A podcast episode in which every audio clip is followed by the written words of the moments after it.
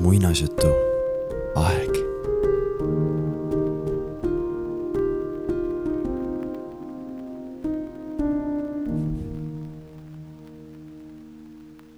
esimesed jõulud. kirjutanud Andreas ja Birgitta Johanson. tõlkinud Kaja Müürsepp. esimene lugu. See lugu jutustab meile sündmustest, mis toimusid Iisraelis kaua aega tagasi. siis, kui ei tuntud veel meie ajaarvamist. tänapäeval ütleme, et see aasta on nii ja nii mitmes pärast Jeesuse sündi meie lugu räägib just aastast, mil Jeesus sündis. Iisraeli rahvas ei aimanudki, kui tähtsal aastal ta elab. kõik oli täpselt nii nagu tavaliselt, tehti tööd ja puhati, osteti ja müüdi, külvati ja koristati saaki. siin-seal teedel oli näha sõdureid. Need olid roomlased, sest Iisrael polnud enam iseseisev maa, vaid väike osa suurest Rooma impeeriumist Rooma sõdureid ei sallitud, neid kardeti. mägedes, kus oli kerge peituda, elasid röövlid. Nad tungisid sageli möödakäijatele kallale, et neid röövida. Petlemma lähistel oli palju koopaid, kaljupanku ja suuri kive. äkki sööstis kusagilt esile tüdruk, tal oli väga kiire. ta hüppas välja kivimürakate vahelt rahutult üle õla tagasi vaadates. kas teda jälitati? ei, ei paistnud nõnda olevat. hingeldades vajus ta suure kivi varju maha. Lea, nii oli tema nimi.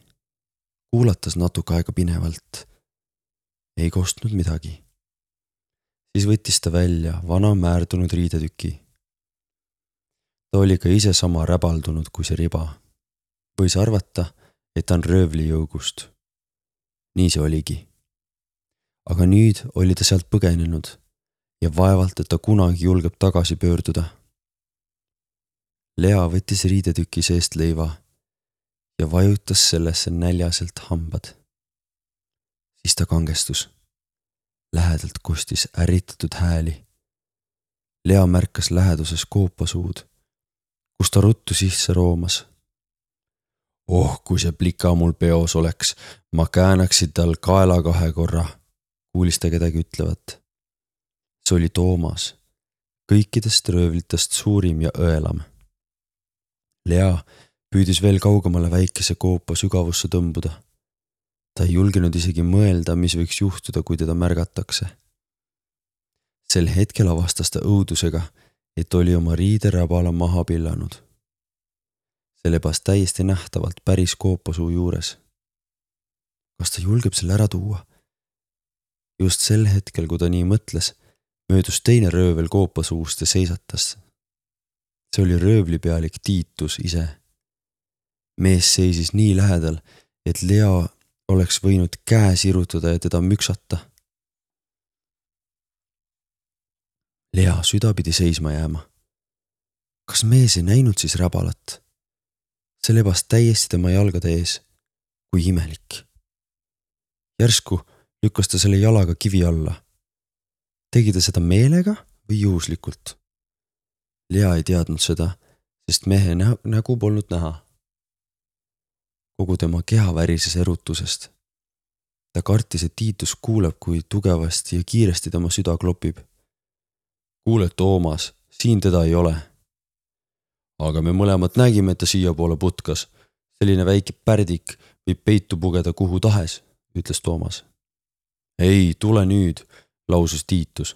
meil on muudki teha, kui pisikesi plikasid jahtida. oled kindlasti märganud, et nüüd, kui roomlased kõiki maksustada tahavad, on palju rahvast liikvel. me saame palju tööd, sina ja mina, röövlid naersid. tule, lähme tagasi, ütles Tiitus Toomasele küll Lea tagasi tuleb, kui nälg kallale kipub. Nad kadusid ja Lea ohkas kergendatult. kas Tiitus tõesti ei märganud riiderabalat või oli ta selle meelega kõrvale lükanud, et päästa Lea Toomase käest? Lea juurdles pikalt selle üle. Tiitus oli röövlijõugu pealik. tema käsutas teisi. ta oli tugev, mõnikord julm ja kõik kuulasid teda. siiski oli temas midagi head. seda oli Lea mitmel korral tähele pannud. Toomas aga võis oma süütute silmadega teha mida tahes. teda Lea tõepoolest kartis Lea juba tundis neid, sest oli terve aasta Tiituse röövlijõugus elanud. Oma palakest süües meenutas tüdruk, kuidas ta röövlite juurde sattus. mõne aasta eest, kui Lea ema suri, jättis isa tütre sugulaste juurde. ise oli ta mägedesse läinud. mägedes on palju vapraid mehi, oli ta öelnud. Nad valmistuvad maa vabastamiseks roomlastest. ta tahtis saada üheks nende hulgast tõsi, neid kutsuti küll röövliteks, kuid see polnud nende kohta kogu tõde. Lea mäletas, kuidas ta oli isa põlvel istunud. isa oli temaga väga tõsiselt rääkinud. kui tuleb Messias, kuningas, kelle Jumal on meile lubanud, siis hakkab ta juhtima kõiki neid, kes tahavad võidelda maa vabaduse eest. tahan olla üks nende hulgast. pärast seda tulen sulle järele Leale ei meeldinud sugulaste juures. Nad ei sallinud teda. ta sai tihti peksa ja tundis end kõrvale heidetuna. kuidas ta küll isa järele igatses. lõpuks oli ta põgenenud, et isa üles leida. kulus mitu päeva, enne kui ta leidis jõugu, aga siis ei olnud isa enam seal. ta oli koos paari kaaslasega läinud täitma ohtlikku ülesannet, kuid tagasi enam ei tulnud võib-olla olid nad Rooma sõdurite kätte langenud. keegi ei teadnud, mis õieti juhtus. Leal õnnestus Tiitust keelitada, et too lubaks tal seniks röövlite juurde jääda, kuni isa tagasi tuleb. aga isa ei tulnud tagasi. varsti oli röövlitele selge, et Least on palju kasu. mõnikord pidi ta tee ääres pikali haiget teesklema. kui möödakäijad seisatasid, et teda aidata tungisid röövlid neile kallale. vahel oli Lea rändureid valele teele juhtinud, kus nad varitsevate röövlite ohvriks langesid. kui möödusid suured kaubakaravaanid, pidi Lea kindlaks tegema, milliseid kaupu veetakse. keegi ei osanud väikest kümne-kaheteistaastast tüdrukut kahtlustada. Lea oli aasta jooksul palju õppinud, eriti inimeste petmist. miks oli ta nüüd põgenenud? Tüdruku kõht korises neljast. siis oli ta märganud samas lähedal lebavat leiba.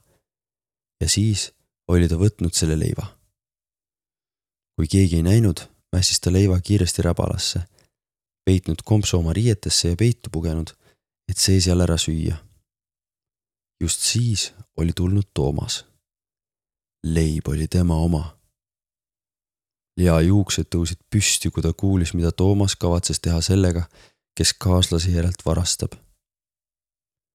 võõrastelt inimestelt varastamises ei olnud midagi halba, olid röövlid Leale õpetanud. aga varastamine kaaslaselt pidi olema üks kõige halvematest eksimustest. Lea ei olnud kunagi aru saanud, mis vahe siin on. Toomas oli ringi jooksnud ja vandunud, et saada kätte nii leib kui ka selle varas siis oli Lea minema hiilinud. üleüldises lärmis ei pööranud keegi talle tähelepanu. teda märgati alles siis, kui ta oli laagrist tükk maad eemale jõudnud ja jooksma hakanud. Tiitus ja Toomas läksid teda kinni võtma ja lõppu tead sa juba isegi. Lea näris viimast suutäit. juba pikka aega ei olnud ta sellist küllastust ja rahulolu tundnud. aga tagasi röövlite juurde ei julgeks ta küll kunagi minna. ta teadis, mis teda seal ootab. päike oli nüüd mõnusalt soe. Lea tõmbas end kerra nagu väike kassipoeg ja tundis rõõmu. enne kui ta uinus, mõtles veel kord Tiitusele. kas too oli riideräbala meelega kõrvale lükanud? kas Tiitus tahtis Lead Toomase viha eest kaitsta? aga ükskõik nüüd oli ta vaba. selle mõttega Lea uinus